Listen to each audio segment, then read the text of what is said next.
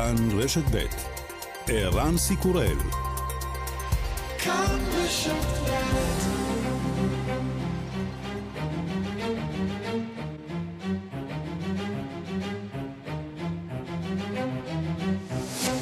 השעה הבינלאומית 4 ביוני 2023 והיום בעולם. התקשורת במצרים כמעט שאיננה עוסקת בתקרית הקשה בגבול בין ישראל למצרים, שבמהלכה הרג שוטר מצרי שלושה לוחמי צה"ל, שעות אחדות לאחר שחצה את הגבול לישראל. במזרח הודו נהרגו כ-300 בני אדם בהתנגשות בין שתי רכבות במדינת אודישה. 900 נוסעים נפצעו ואושפזו בבתי החולים. זהו אסון הרכבות החמור בהודו בשני העשורים האחרונים. במחוז בלגורוד שברוסיה מתחילים להרגיש שהמלחמה מתקרבת. העיר שבקינו, הממוקמת כעשרה קילומטרים מהגבול, הפכה בשבועות האחרונים לחלק מקו החזית החדש של המלחמה. סקר שפורסם בגרמניה מצביע על התחזקות של מפלגת הימין הקיצונית אלטרנטיבה לגרמניה, ומעניק לה שיעור תמיכה זהה למפלגתו הסוציאל-דמוקרטית של הקנצלר אולף שולץ. וגם... שוב למקין עם פס טוב לסניור, הרבה שטח להתקדם לסניור, מיושר לשער סניור, ילך בשמאל סניור, מגיע לתורג'מן, תורג'מן יכול לבעוט לשער מטה, תורג'מן יכול לכבוש, תורג'מן, תורג'מן! איזה גול! איזה גול של תורג'מן בשמאל! לא להאמין! מה זה? מה זה? מה זה? שלוש שתיים! זה מה שזה! נבחרת ישראל! בדקה 108! אנחנו תופסים את הראש! אי אפשר להאמין! תורג'מן במהלך ברזילאי מכניע את הסלסאו! וואו! ליאן וילדאו חוגג היסטוריה ישראלית במונדיאליטו.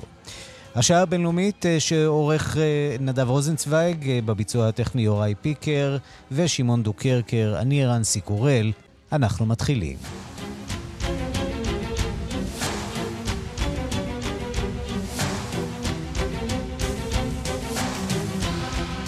אנחנו פותחים אה, באירוע אה, בגבול, בפיגוע. גם הבוקר במצרים לא מבליטים יתר על המידה את התקרית אה, הקשה בגבול עם ישראל, שבמהלכה שוטר מצרי הרג שלושה לוחמי צה"ל תוך כמה שעות אחרי שחצה את הגבול לישראל. שלום לראש תחום הערבי רועי קייס. שלום, שלום. אז מירן. מצד אחד באופן רשמי במצרים אה, נמנעים מלהוקירו, אבל נכון. אה, גם לא מכריזים עליו כמחבל, נכון? נכון, אה, אני חושב שבמצרים בעיקר מה שנקרא שומרים את הקלפים קרוב לחזה בכל מה שקשור לאירוע הזה. אה, וגם אה, חשוב לשים לב שאנחנו לא ממש מצליחים להבין אה, את זהותו של אותו שוטר מצרי. הבוקר עיינתי בעיתונים המודפסים במצרים, וסך הכל נראה שכולם שם, באופן לא מפתיע, מיישרים קו עם ה... מה שנקרא נרטיב המצרי הרשמי, שאתמול uh, פורט בשתי הודעות uh, מטעם uh, דובר צבא מצרים. הודעה ראשונה שלפיה למעשה הוא, אותו שוטר מצרי, רדף אחר מבריחי סמים, לאחר מכן חצה את הגבול במסגרת המרדף הזה, ואז החלו חילופי האש. וההודעה השנייה שלפיה uh, שר ההגנה המצרי, מוחמד זקי, שוחח בטלפון עם שר uh, הביטחון הישראלי יואב גלנט, השניים uh, שוחחו על התקרית הזאת, נסיבותיה, על עניין החקירה המשותפת, הובעו תנחומים, גם נטען לקורבנות האירוע משני הצדדים, כך לפחות בהודעה המצרית. ללמדך, ערן, שאני חושב שהמצרים מבחינתם... מנסים עדיין מבחינתם לא להגיד משהו חד משמעי לגבי האירוע הזה. לא רוצים... גם בישראל, צריך לומר, יש אה, איפוק מאוד מאוד כן, גדול אבל... בניסיון לשמור על היחסים עם מצרים, נכון. אבל כאן כמובן ש... אה, כשמדובר בשלושה חיילים הרוגים נכון, ישראלים, אבל... אי אפשר אה, כמובן אה, לשאת את זה. נכון. יכול להיות, תראה, ייתכן מאוד בסופו של דבר, שאתה יודע, מה שנקרא, בחדרים הסגורים נאמרים דברים אחרים, והמצרים אה, מבינים אה, בחדרים הסגורים, כפחות משקפים את זה הצד הישראלי, שמדובר באיש ביטחון אה, מצרי שסרח, אה, כיוון שבצד הישראלי, מן הסתם, רואים בזה פיגוע לכל אה, דבר ועניין, אה, מכנים את אותו שוטר אה, מצרי מחבל. Uh, המצרים לא מכנים אותו, uh, לא מכנים אותו uh, מחבל. מהצד השני, גם לא מוקירים אותו לפי שעה. אתה יכול לראות את זה אפילו, אתה יודע, בטרמינולוגיה בערבית. אה, כיצד הם מגדירים את מותו, הם לא אומרים שהוא אה, הסתשהדה, כלומר מת מות קדושים, כמו למשל שראינו בשנים עברו כאשר אה, חיילים מצרים או שוטרים מצרים נהרגו בקרבות עם אנשי דאעש בחצי האי סיני, מדברים על וופא, זה כלומר טרמינולוגיה הרבה יותר ניטרלית מה שנקרא, ואני רוצה בהקשר הזה להשמיע לך מה אומר ראש המודיעין הצבאי המצרי לשעבר, נאסר סאלם, בתשובה לשאלה של מגיש אל-ג'זירה, הערוץ הקטרי, שהוא התראיין ביממה האחרונה, שאלו אותו האם למעשה מצרים לא תוקיר את המעשה שעשה אותו שוטר מצרי, תגובה מאוד מעניינת שלו, הנה. هل يستحق هذا الرجل هذا الجندي ان يكرم وان يطلق عليه لفظ الشهيد وان تجرى له جنازه عسكريه وفقا للروايه المصريه؟ هذه الروايه المصريه روايه ابتدائيه حتى يتم التحقيق وطالما هناك تحقيق إذا لم يكن هذا التحقيق هو الذي سوف يحسم الأمر כן, ערן, אז אומר נאסר סאלם, ראש המודיעין המצרי הצבאי, לשעבר, אה, בתגובה לשאלת המגיש, אה, מגיש אל-ג'זירה, ששואל אותו, האם ראוי אה, להוקיר את החייל הזה, לכנות אותו שהיד, לערוך לו הלוויה צבאית, בהתאם לנרטיב המצרי, לגרסה המצרית? אז הוא אומר, אנחנו צריכים לחכות, בסופו של דבר, החקירה רק בתחילתה, ובהתאם לחקירה אנחנו צריכים להבין כיצד להתייחס אליו. אני מקווה שהאדם הזה לא יימצא אשם. אז זה לפחות מהצד המצרי, שאני חושב שעמוק עמוק המצרים גם, מה שנקרא, מוצאים את עצמם קצת, אה, הייתי אומר, מובכים לנוכח האירוע הזה. חשוב לומר, ערן, שלמרבה הצער, ברשתות החברתיות הערביות, אנחנו כן אה, רואים גילויי אהדה, שמחה. אה, מכנים אותו גיבור, את השוטר, השוטר המצרי. יש גם ניסיון, מה שנקרא, למצוא, מוצאים תמונות של חיילים מצרים ומשכים אותה, את אותן תמונות לו, כאילו זה הוא, והכל מתברר בינתיים כפייק. אבל אתה יודע, בסופו של דבר, אה, למרבה הצער, זו, זו האטמוספירה. מהצד השני, חשוב להגיד שהמצרים מבחינתם לא מגדירים אותו באופן רשמי כגיבור, אבל גם לא מגדירים אותו כאמור כאיש ביטחון שסרח, ואנחנו נצטרך לחכות ולראות. כמו שאמרת, היחסים בין שתי המדינות, יחסים אסטרטגיים, שנים העברו, האחרונות, אנחנו יודעים, גם לפי פרסומים זרים, גם לא זרים, על שיתוף הפעולה בין הצדדים בכל מה שקשור ללחימה בטרור. אף אחד לא רוצה לשפוך את התינוק הזה עם ה... נכון, נכון, ובדיוק, והאינטרסים פה אה, גדולים מאוד בין שני הצדדים. יש גבול מאוד ארוך בין שתי המדינות. אני חושב ששתי המדינות מנסות, ככה מה שנקרא, לא להתסיס את האווירה, להרגיע את הרוחות, לנסות איך, לראות איך אפשר להתגבר על האירוע הקשה הזה, אירוע קשה מאוד, ולמנוע אה, שאירועים כאלה לא יישנו בעתיד. רועי קייס, ראש התחום הערבי, תודה. תודה. ושלום לדוקטור בן ציון טלפוס. שלום ערן. דוקטור ליחסים בינלאומיים, מומחה לפוליטיקה של המלחמה בסמים ומדיניות הסמים העולמית. תגיד, עד כמה מה שראינו אתמול, הפיגוע קשור אה, או לא קשור לסוגיית הסמים העולמית וההברחה אה, באזור אה, הגבול עם סיני? הייתה הברחה כמה שעות קודם לכן לא רחוק משם, אבל אנחנו לא יודעים אם זה קשור. אבל צריך להזכיר את המקום של מצרים כמדינת מעבר של סמים בעולם, בעיקר בין היתר בזכות המיקום הגיאוגרפי שלה.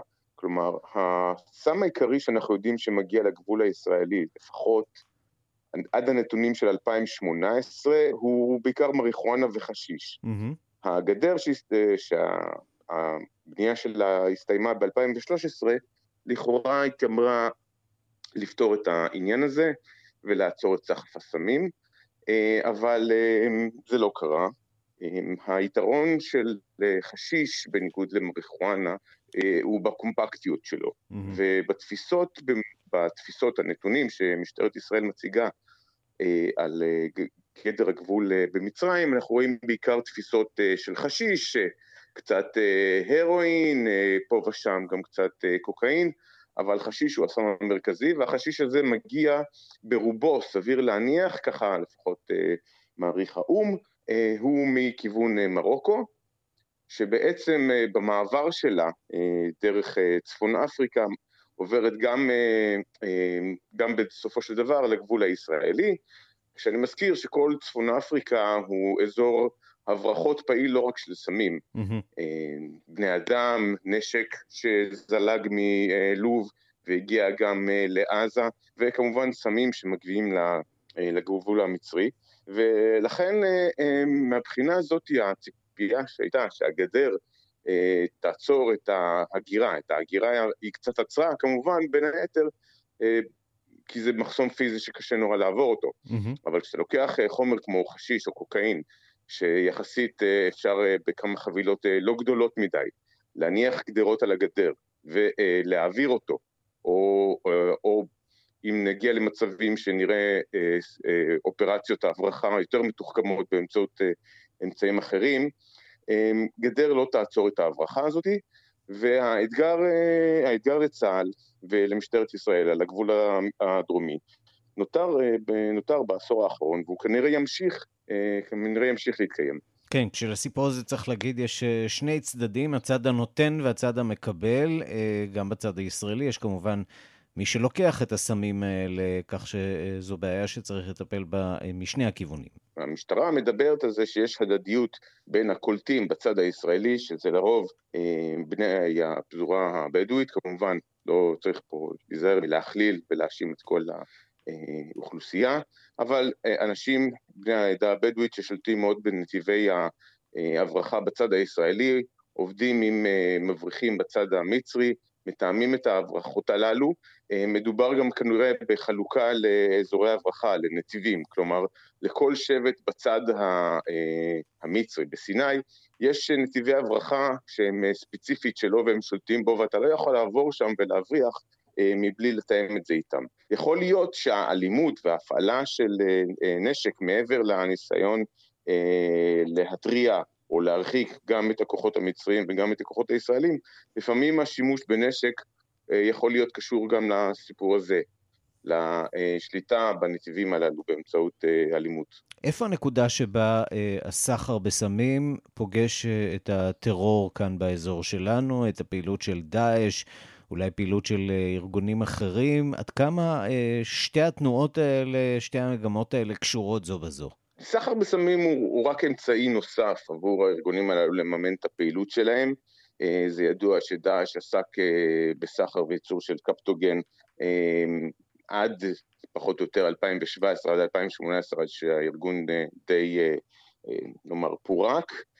ארגונים אחרים כנראה גם כן עברו והפריעו לסחר הסמים בסיני דווקא, אבל סחר בסמים הוא, הוא אחת מהדרכים של הארגונים הללו לממן את הפעילות שלהם.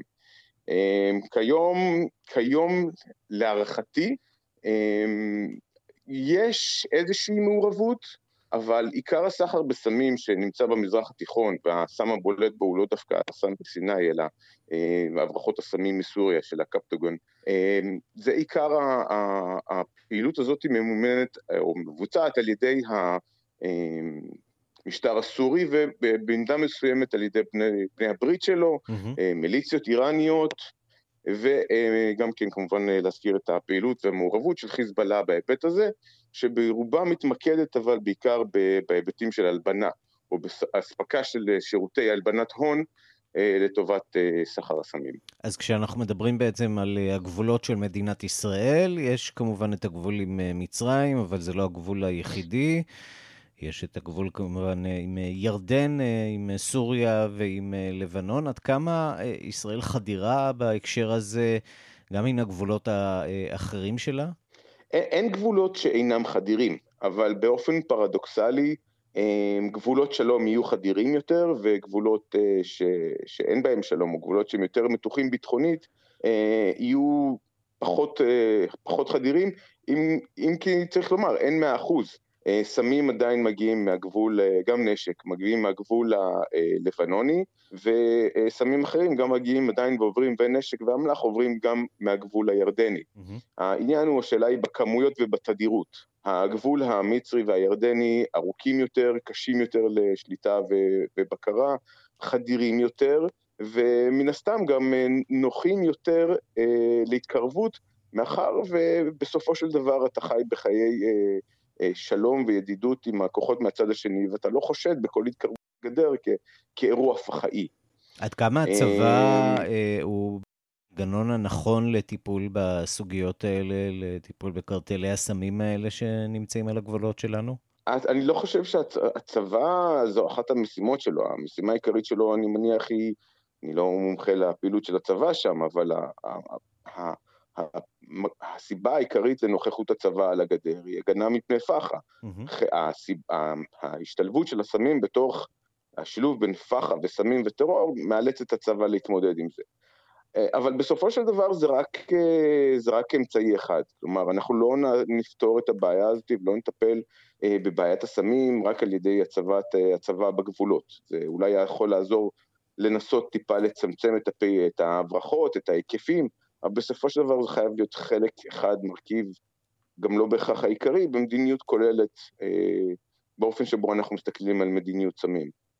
זה רק צד ההיצע. על ידי רק ניסיון לצמצם את ההיצע, אנחנו בחיים לא נפתור את הבעיה הזאת, אה, שתמיד תהיה קיימת, צריך להודות ולומר. Mm-hmm. צריך לחשוב על, על דרכי מדיניות אה, אה, מתקדמים יותר, על טיפול בביקוש, על, על טיפול, על, על רווחה, אספקטים שאנחנו פחות נוטים לדבר עליהם כשאנחנו מתמודדים עם הבעיה הזאת שעולה לכותרות סביב אירועים טרגיים כמו אתמול.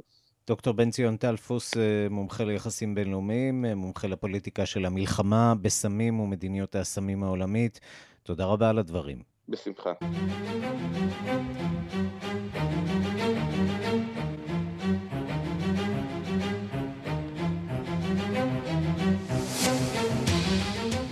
עכשיו לאסון הקשה בהודו, שם סיימו את פעולות החילוץ מאסון הרכבת שאירע שם ביום שישי. 288 בני אדם נהרגו.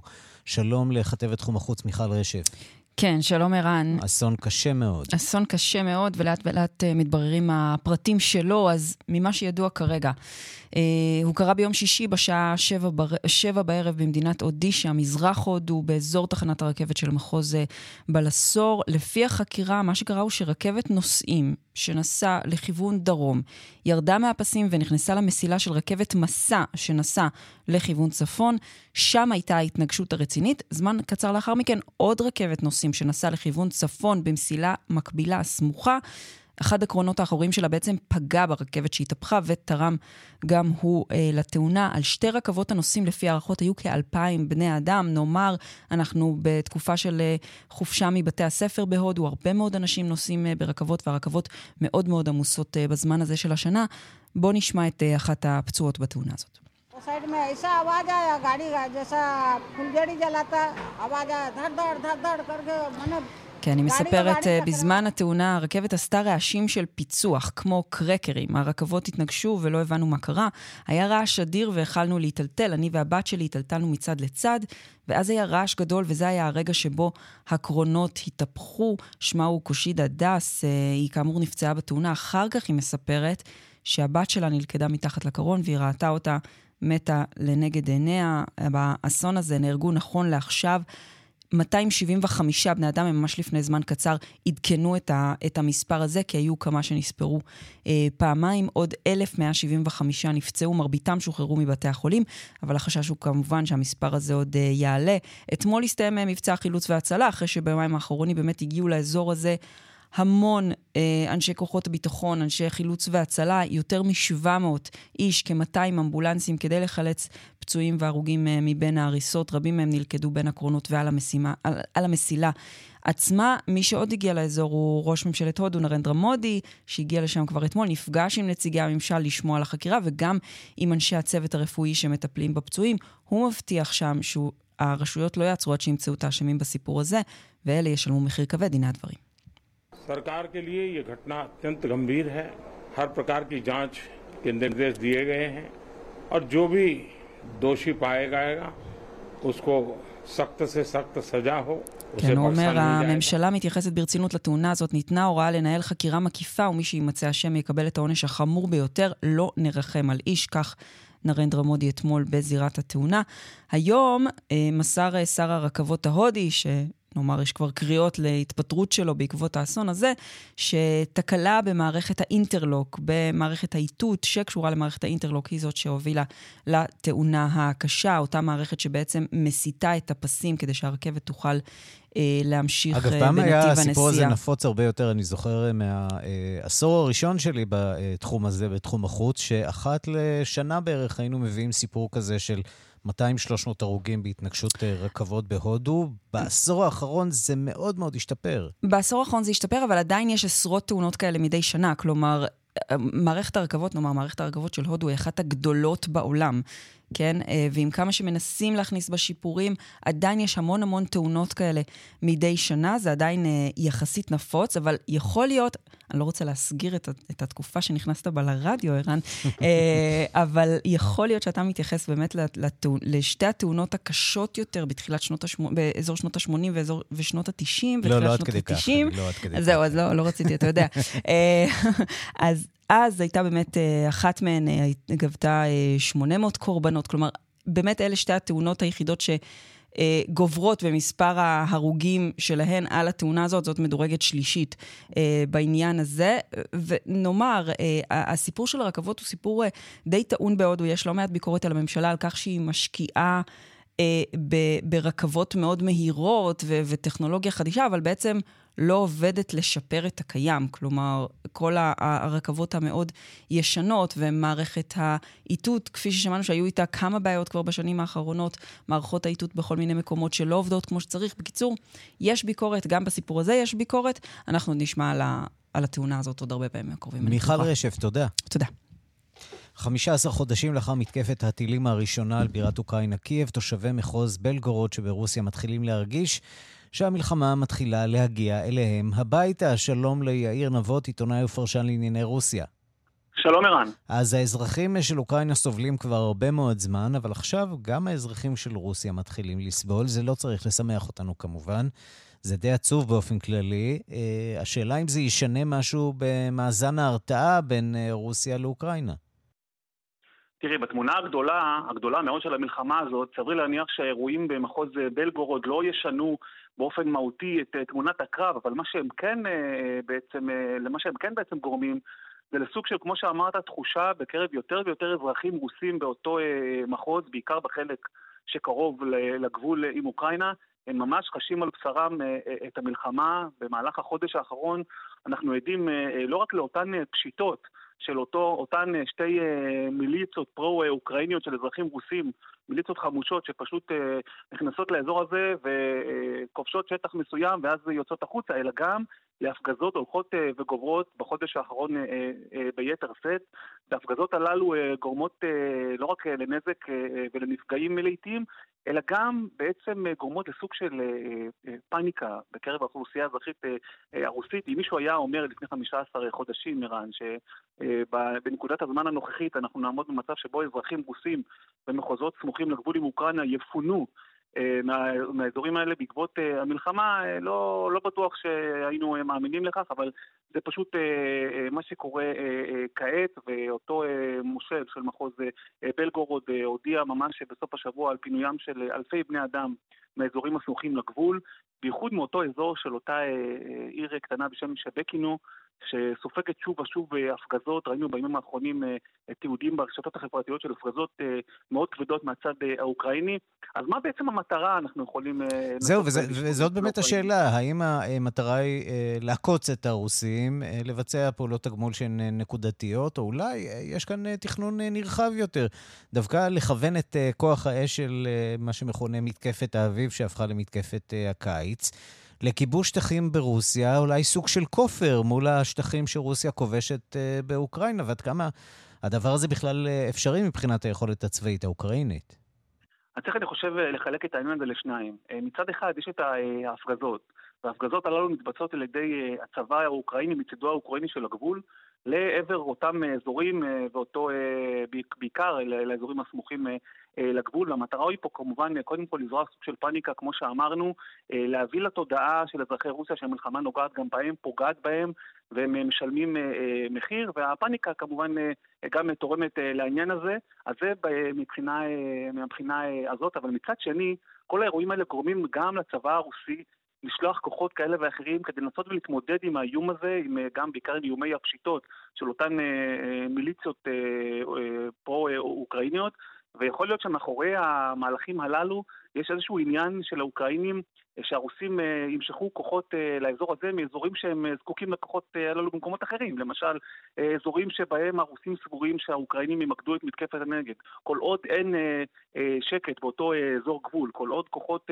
או מיליציות פרו-אוקראיניות ממשיכות לחדור לתוך אותו מחוז, לתוך השטח הריבוני של רוסיה, הרוסים חייבים להראות סוג של תגובה והתמודדות עם האיום ולשלוח לשם כוחות צבא, וזה בדיוק מה שהם עושים. וייתכן שכוחות הצבא האלה בעצם נגרעים מהמקומות שבהם באמת אה, זקוקים להם. ולכן אני חושב שהתשובה היא בעצם פה אה, אה, משולבת. יש פה גם כמובן אלמנט תודעתי, פסיכולוגי mm-hmm. מאוד מאוד, אה, מאוד מאוד אה, חזק. אני חושב שזה אפילו יותר חזק מאשר האלמנט הצבאי טקטי גרידא, משום שכמו שאמרנו, היקף הכוחות האוקראינים, המיליציות הללו שמדי פעם פולשות ומתרכזות בשטח מסוים ואז יוצאות חזרה, זה יתוש לא בסטנדרט של רוסיה, כן. בדיוק. זה היקף uh, קטן שלא דורש גם איזושהי, uh, לשלוח איזושהי חטיבה ממוכנת כדי להתמודד עימם, ולכן אני חושב שהסוגיה היא פה יותר פסיכולוגית, תודעתית, ולגרום לרוסים לחוש את המלחמה על בשרם, וצריך לומר שפה ושם גם נפגעים אזרחים, וכשאזרחים נפגעים גם כמובן בצד הרוסי, אנחנו, כמו שאמרת, אני חושב נכון, אנחנו לא יכולים כמובן לסמוך על זה. יאיר נבות, עיתונאי ופרשן לענייני רוסיה, תודה רבה לך. תודה. נשיא פולין, אנג'ה דודה, הודיע אה, כי יחתום על חוק אה, להקמתה של ועדה ממלכתית לחקירת ההשפעה של רוסיה על פוליטיקאים בפולין. החוק הזה בעצם יאפשר למנוע אה, ממי שנמצא שהיו בקשר עם מוסקבה להחזיק במשרות ציבוריות מסוימות. האופוזיציה אומרת, מדובר כאן במלחמת אזרחים, ניסיון למשטר את האופוזיציה, וההמונים כבר יוצאים לרחובות. ברחובות ורשה, בהפגנה נמצא ממש כעת כתבנו גלעד שדה. שלום גלעד.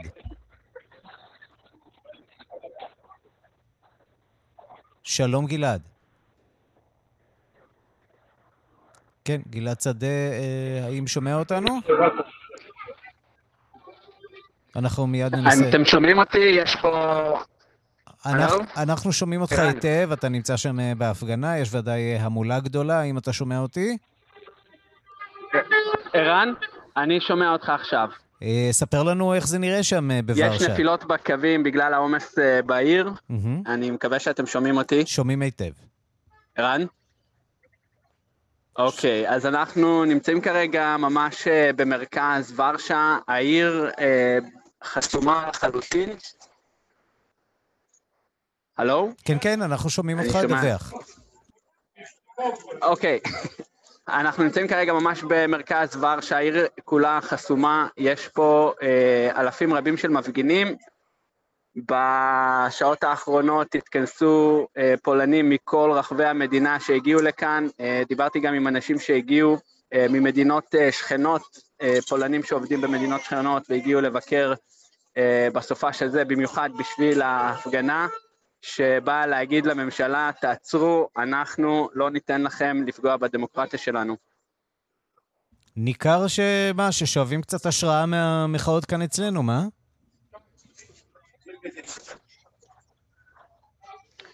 אה, אכן, יש, יש איזושהי השראה, אנשים אה, שדיברו איתי פה, ניסיתי לראיין אנשים, אה, אמרו לי שהם מאוד שמחים לשמוע על מה שקורה בישראל, שזה מאוד מעניין כי מבחינתם ההפגנות בישראל נמשכות הרבה מאוד זמן, וזה משהו שמעורר גם את התקווה כאן אצל אנשים, אה, בעצם להקים אה, קול מחאה שיימשך, שהוא לא יעצור עכשיו.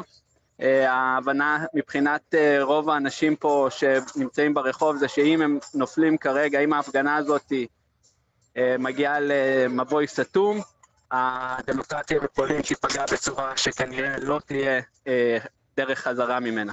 מה בחוק הזה אה, כל כך אה, מרתיח אותם, שהרי אנחנו יודעים שרוסיה היא אויבת אה, מרה, אף אחד לא רוצה לראות מעורבות אה, רוסית בפוליטיקה הפולנית. למה אה, יש בחוק הזה כל כך כדי להכ... להכעיס את האופוזיציה?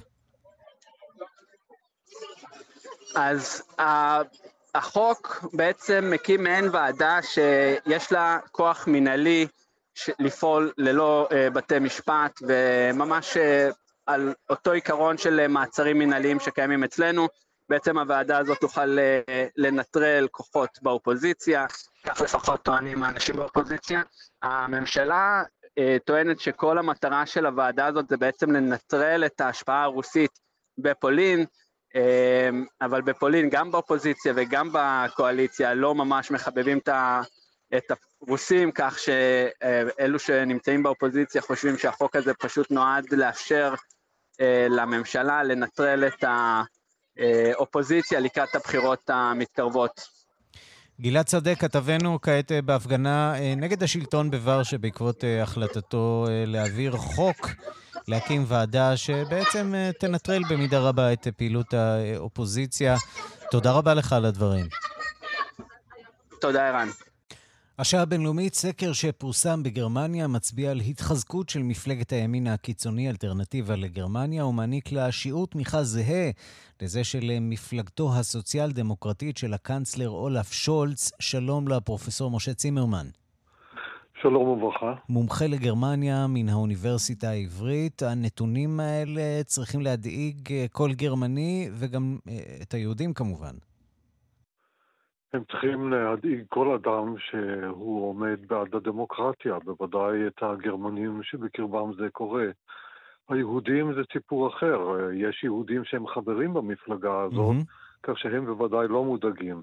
אבל ברור לגמרי, ההצבעה, אילו הייתה היום, כך קוראים לזה, הייתה נוטה יותר ויותר לכיוון של המפלגה של הימין הרדיקלי, שנקראת אלטרנטיבה לגרמניה, מכיוון שהיא מפלגה שמייצגת את הביקורת על הממסד, לא רק על מדיניות מסוימת, אלא על הממסד, על המפלגות בכלל.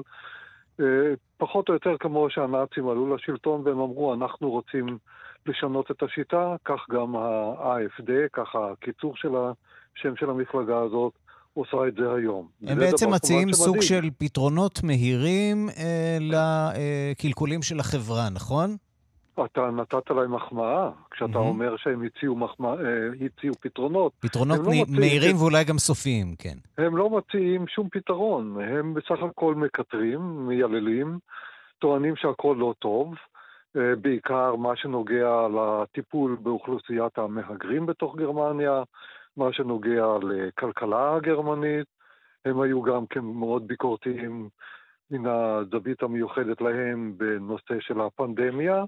הם מייצגים את הקבוצות האלה שאנחנו מכירים בכל הדמוקרטיות, שהם מרגישים חוסר שביעות רצון, מרגישים איזשהו ייאוש מן השיטה, אנחנו מכירים את זה במדינה שלנו היטב, ולכן הם מצביעים ימינה וימינה וימינה, לדבר בשם העם, לדבר בשם האומה, לדבר בשם הערכים הישנים וכל כיוצא באלה. עד כמה זה באמת אה, קול אותנטי בתוך החברה הגרמנית, או שאולי יש כאן, אה, כפי שלמדנו גם בבחירות בארצות הברית, ניסיונות של גורמים כמו אה, רוסיה אה, לשנות את מאזן הכוחות אה, באירופה אה, לטובתה? אתה צודק בהחלט שאתה חושד בהם שהם עומדים בקשר עם אה, פוטין. הם אה, משרתים את המכונה של התעמולה של אה, פוטין, אבל הדבר הזה אפשרי רק מכיוון שהמגמה הזאת היא אותנטית. יש לך מגמה שאנחנו עוקבים אותה כבר אה, אחרי הרבה זמן. זו מגמה של ביקורת מצד ימין על ההתנהלות של הדמוקרטיה הליברלית הגרמנית, שיש בה סממנים שמזכירים לנו פרשה היסטורית, את הפרשה של הרייך השלישי, וזאת מסגרת שבתוכה האנשים שתומכים בפוטין, או מכונת התעמולה של פוטין, יכולה גם כן לתרום את התרומה שלה. ואנחנו יודעים שהדברים האלה כמובן לא קורים ללא סיבה. ברקע, מה שנתפס כקנצלר מאוד מאוד אה, לא דומיננטי. אה, גם לא בהובלתה של רוסיה סביב סוגיית המלחמה באוקראינה. אמ, הוא אה, על פניו קאנצלר חלש, כך זה נראה, בוודאי בהשוואה לקודמתו אה, אנגלה מרקל.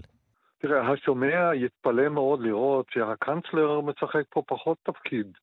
אם אתה יודע מה זה אה, משאבת חום, אז אתה יודע על מה מדובר בגרמניה. הם מדברים עכשיו על רפורמה בשיטת החימום כדי לחסוך אנרגיה כדי שהיא תהיה יותר ירוקה. Mm-hmm. הדבר הזה יוצר מבוכה גדולה מאוד. גם הופך למין סוג של אה, בדיחה, ועל דבר כזה מפלגה כזאת כמו מפלגת האלטרנטיבה לגרמניה יכולה לרכב. הממשלה שנמצאת כרגע היא ממשלה חסרת תקדים בגרמניה מבחינה זאת, שיש בה שלוש מפלגות. המסורת היא שיש בממשלה מפלגה אחת, או אפילו שתיים, אבל שלוש מפלגות זה חסר תקדים, וכששלוש המפלגות האלה לא מושכות לאותו כיוון. Mm-hmm. יש שם גם ליברלים שמושכים לכיוון אחד, גם ירוקים לכיוון אחר, גם סוציאל דמוקרטים לכיוון השלישי. אז הקהל מקבל את הרושם שהם לא יודעים את הדרך, אולי גם uh, הם צודקים ברושם שהם uh, קיבלו, ולכן הם אומרים, אוקיי, נזרוק את כל השיטה. עדיין לא כולם מצאו את זה, אבל בערך 18% אומרים היום, הם מוכנים להצביע בשביל המפלגה הזאת הימנית קיצונית, מכיוון שהיא הפתרון היותר נכון לעומת ממשלה של מבוכה שהם רואים לנגד עיניהם. ללא ספק מגמה אה, מדאיגה. פרופסור משה צימרמן, מומחה לגרמניה. שמדאיג, כן? מה שמדאיג במיוחד הוא שהמפלגה הזאת, יש לה קשרים טובים עם ישראל, כפי שראינו אה, לא פעם בעת האחרונה. חברי המפלגה הזאת באים לישראל, יש להם את החברים שלהם כאן. תרשה לי אה, לנחש שזה לא מנחם אותך. זה ממש מדאיג אותי, זה הבעיה. Mm-hmm. פרופסור משה צימרמן, מומחה לגרמניה מן האוניברסיטה העברית, תודה רבה לך. כל טוב. האם מגמת החרמת הספרים בארצות הברית יוצאת משליטה? במדינת יוטה החליט אחד המחוזות להסיר את התנ"ך, לא פחות, מרשימת הספרים המותרים לקריאה בבתי הספר. שלום לכתבנו בוושינגטון, נתן גוטמן. שלום ערן. תגיד, זה רציני העסק הזה? אמ, כן, עד כמה שכל הדיון הזה על החרמת ספרים הוא רציני, זה בהחלט רציני. אולי לוקח את זה לאיזושהי רמה של גיחוך שמאפשרת uh, uh, להסתכל על הפרשה הזאת בעין קצת יותר בוחנת. כעיקרון, אנחנו יודעים שיש מגמה בארצות הברית, של, uh, בעיקר במדינות רפובליקניות, של איסור ספרים, כלומר הסרה של ספרים ממדפים של ספריות ובתי ספר כאשר הם נחשבים לפוגעניים. המטרה המרכזית של האנשים שעומדים מאחורי הדברים האלה היא למנוע מהתלמידים הרכים חשיפה לתכנים שנוגעים בעיקר לנושאים להט"בים, אבל uh, כשמתחילים, איפה מפסיקים? וזה מה שעומד עכשיו אה, אה, במחוז דייוויס ביהודה, שם אה, הורים הגישו בקשה להסיר את התנ"ך, למה? כי יש בו תכנים וולגריים ופוגעניים, עכשיו כולנו מכירים את התנ"ך, יש בו הכל, אפשר לפרש את זה גם כך, ולפי החוק, כאשר הורים מבקשים להסיר ספר, הוא קודם כל מוסר מהספריות ומהמדפים בבית הספר, ורק אחר כך דנים בו, והנושא הזה מעורר לא מעט מחלוקת, לא רק בגלל התנ"ך, אלא בגלל שעכשיו יש כאלה שאומרים אה, שצריך לאסור גם את ספר המורמונים, נזכיר, יוטה מדינה מאוד מורמונית, מה הם יעשו כשזה יקרה? אומר, אה, אה, אבל אה, אחד מהאנשים שמאחורי החקיקה הזאת, חבר הקונגרס המקומי קן אייבורי, הוא אומר, בכל זאת עדיין מדובר בחקיקה טובה, בואו נשמע קטע מהדברים. What we're looking at is what's age appropriate. You know, and many people have talked about book bans, and this has nothing to do with a book ban. It's about what's age appropriate for children in schools. כן, זה לא חרם על ספרים, זה פשוט אנחנו מתאימים את זה לגיל של הילדים בבית הספר, כלומר, ילדים, ונזכיר, לא רק מדובר פה בבית ספר יסודי, גם בחטיבות הביניים, כנראה לא מספיק בשלים ללמוד את זה. טוב, בוא נודה על האמת, גם אצלנו לא מלמדים את כל הפרקים בהכרח, אה, לפחות אה, בחינוך הממלכתי, אה, לפי הסדר, אלא מתאימים אותם לגיל בוודאי. של הילדים. זה, זה סביר. אבל... כן, אבל אם אני זוכר נכון, ועברו כמה שנים מאז שהייתי בבית ספר, לא לקחו את התנ"ך מעל המדפים בספרייה, ומי שבאמת רצה, תמיד היה יכול להגיע ולקרוא את הכל, וזה אולי הקו הדק הזה שעובר. מה מלמדים זו שאלה אחת שקשורה לתוכנית הלימודים, ממה מונעים גישה זו שאלה אחרת. נתן גוטמן, כתבנו בוושינגטון, תודה. תודה, ערן. פס טוב לסניור, הרבה שטח להתקדם לסניור, מיושר לשער סניור, ילך בשמאל סניור, מגיע לתורג'מן, תורג'מן יכול לבעוט לשער מטה, תורג'מן יכול לכבוש, תורג'מן, תורג'מן! איזה גול! איזה גול של תורג'מן בשמאל! לא להאמין! מה זה? מה זה? מה זה? שלוש שתיים! זה מה שזה! נבחרת ישראל! בדקה 108! תופסים את הראש! אי אפשר להאמין! תורג'מן במהלך ברזילאי! מכניע את הסלסאו! וואו! בוקר טוב ליאן וילדאו. שלום, בוקר טוב. תשמע, כשאני אהיה גדול אני רוצה לשדר ככה. זה פנטסטי. בשעה הבינלאומית לצעוק ככה זה קצת פחות מתאים. זהו, אה, לא, אולי כן. אה, איך עבר עליך הלילה אחרי האירוע הבאמת אה, פנומנלי הזה? בעבודה. לא, האמת שאנחנו... אנחנו כרגע במנדוסה, היה לנו דרך ארוכה של שלוש שעות מסן חואן, שם היה האירוע ההיסטורי הזה. כיף גדול, שירה גם לנו באוטובוס, יש לנו כבר שיר שחקן לכל אחד מהשחקנים שאתמול כבשו. פשוט יוצא מן הכלל. אני מדבר על הצוות של כאן, הצוות של הטלוויזיה, של הרדיו. הצוות ההפקה. אנחנו חלק מהמסע הזה כבר כמעט שלושה שבועות. כל פעם הם, החבר'ה האלה מפתיעים אותנו מחדש. מסע שמתארך, זהו, זה, זה, זה, גם השהות מתארכת עכשיו. כן, נגמרה לי כבר הכביסה עם לשאלתך, וצריך גם סבב ב'. אנחנו נהיה פה עם הנבחרת עד הש... למעשה עד ה-11 בחודש, כי יש אה, משחק חצי גמר, הלילה נדע אם זה מול אורוגוואי או ארצות הברית, אה, זה ייקבע. משחק חצי גמר, ארבע הנבחרות הכי טובות בעולם עד גיל 20, פשוט מדהים. ואחרי חצי הגמר, בכל מקרה יהיה עוד משחק. בין אם הגמר שאליו אנחנו מקווים להפיל, עכשיו הכל ריאלי, כי ברזיל זו הנבחרת שהייתה פייבוריטית וניצחנו אותם בצורה מדהימה, ובין אם משחק על המקום השלישי, שגם הוא מתקיים ב-11 בחודש, הכל בלה פלטה. יש לנו בעוד שעות ספורות טיסה לבואנוס איירס. אה, ובפעם המי יודע כמה נעשה את המסע, ונחזור ללפלטה אה, לשחק שם המשחקים אה, הנוספים יאללה, מתקיימים. עוד, עוד, עוד שידורים כאלה אם אפשר. שמחים, ושיביאו לנו בשורות טובות. ליאן וילדר, תודה. תודה רבה. ושלום לדוקטור רונן זיידל. שלום וברכה. חוקר עיראק ממרכז דיין באוניברסיטה העברית. מודה באשמה. תגיד, איך רואים את זה בעולם הערבי, את ההישגים האלה של נבחרת ישראל? אה, תראה, זה דומה למצב של עיתונאי, אתה עיתונאי, נכון? אה, נניח היית מקבל כן. איזה סקופ. נכון, היית מקבל סקופ. אבל היו אומרים לך שיש אה, איסור פרסום, וכל מיני פרטים היו נודעים בסביבה שלך, ואתה אסור לך לפרסם את זה. זה המצב של אנשי, של אנשי התקשורת, תקשורת הספורט הערבית, במקרה שאני מתעסק פה זה עיראק, אבל גם במדינות אחרות. מכיוון שיש אירוע ספורט מאוד מאוד חשוב, והם אוהבים כדורגל, והיו שם נבחרות ערביות, כולל נבחרת עיראק, כולל נבחרת טוניסיה שהפסידה לברזיל, אה, אה, שהגיעה למשחק נגד ישראל, וזה מושך הרבה תשומת לב. אה, זה מאוד מאוד מעניין את העולם הערבי. אם נבחרת ישראל הייתה משתתפת בטורניר הזה ומסיימת באחד השלבים ההתחלתיים, כמו נבחרת פיג'י שהייתה שם, או נבחרת סנגל, או מילא. משהו כזה, אז מילא. אבל עכשיו נבחרת מעפילה ומעפילה ומעפילה, והיא כבר בחצי גמר, ואי אפשר להתעלם ממנה, זה כבר יוצר מצב של אבסורד, כן? אני, אני, אני ראיתי ציוצים אה, במהלך הלילה שבעצם אומרים שהסיבה היחידה שישראל מנצחת היא שמשחקים בה שחקנים פלסטינים. זה בעצם הנרטיב אה, החדש. אה, כן, טוב. אבל אנשים, מה שאני ראיתי זה קודם כל הפניית תשומת הלב לאיוולת. ל, ל, הם, הם צריכים לדווח על מה שקורה, ומעלים כל מיני תמונות מסך ו, ופוסטים ודברים כאלה, והם עוד לא החליטו איך לקרוא לנבחרת שמנצחת את ברזיל. אז אה, דוקטור רונן זיידל, ממנו... אני מקווה כן. שאנחנו ניתן להם להמשיך uh, לאכול את הלב גם בימים כן. הקרובים. תודה רבה לך על הדברים. אבל אולי תנסה לנחש כן? מה יהיה הצבע של הדגל הישראלי בחצי גמר. מה יהיה? הוא היה כבר אדום, הוא היה כבר צהוב, ואני מנסה לחשוב, אולי אני אמהמר על בורדו או משהו כזה. דגל בורדו עוד לא היה לנו. תודה רבה, רונן זיידל. אולי ורוד. אולי, אולי, אולי גאווה. כן, נכון. תודה לכם, ביי.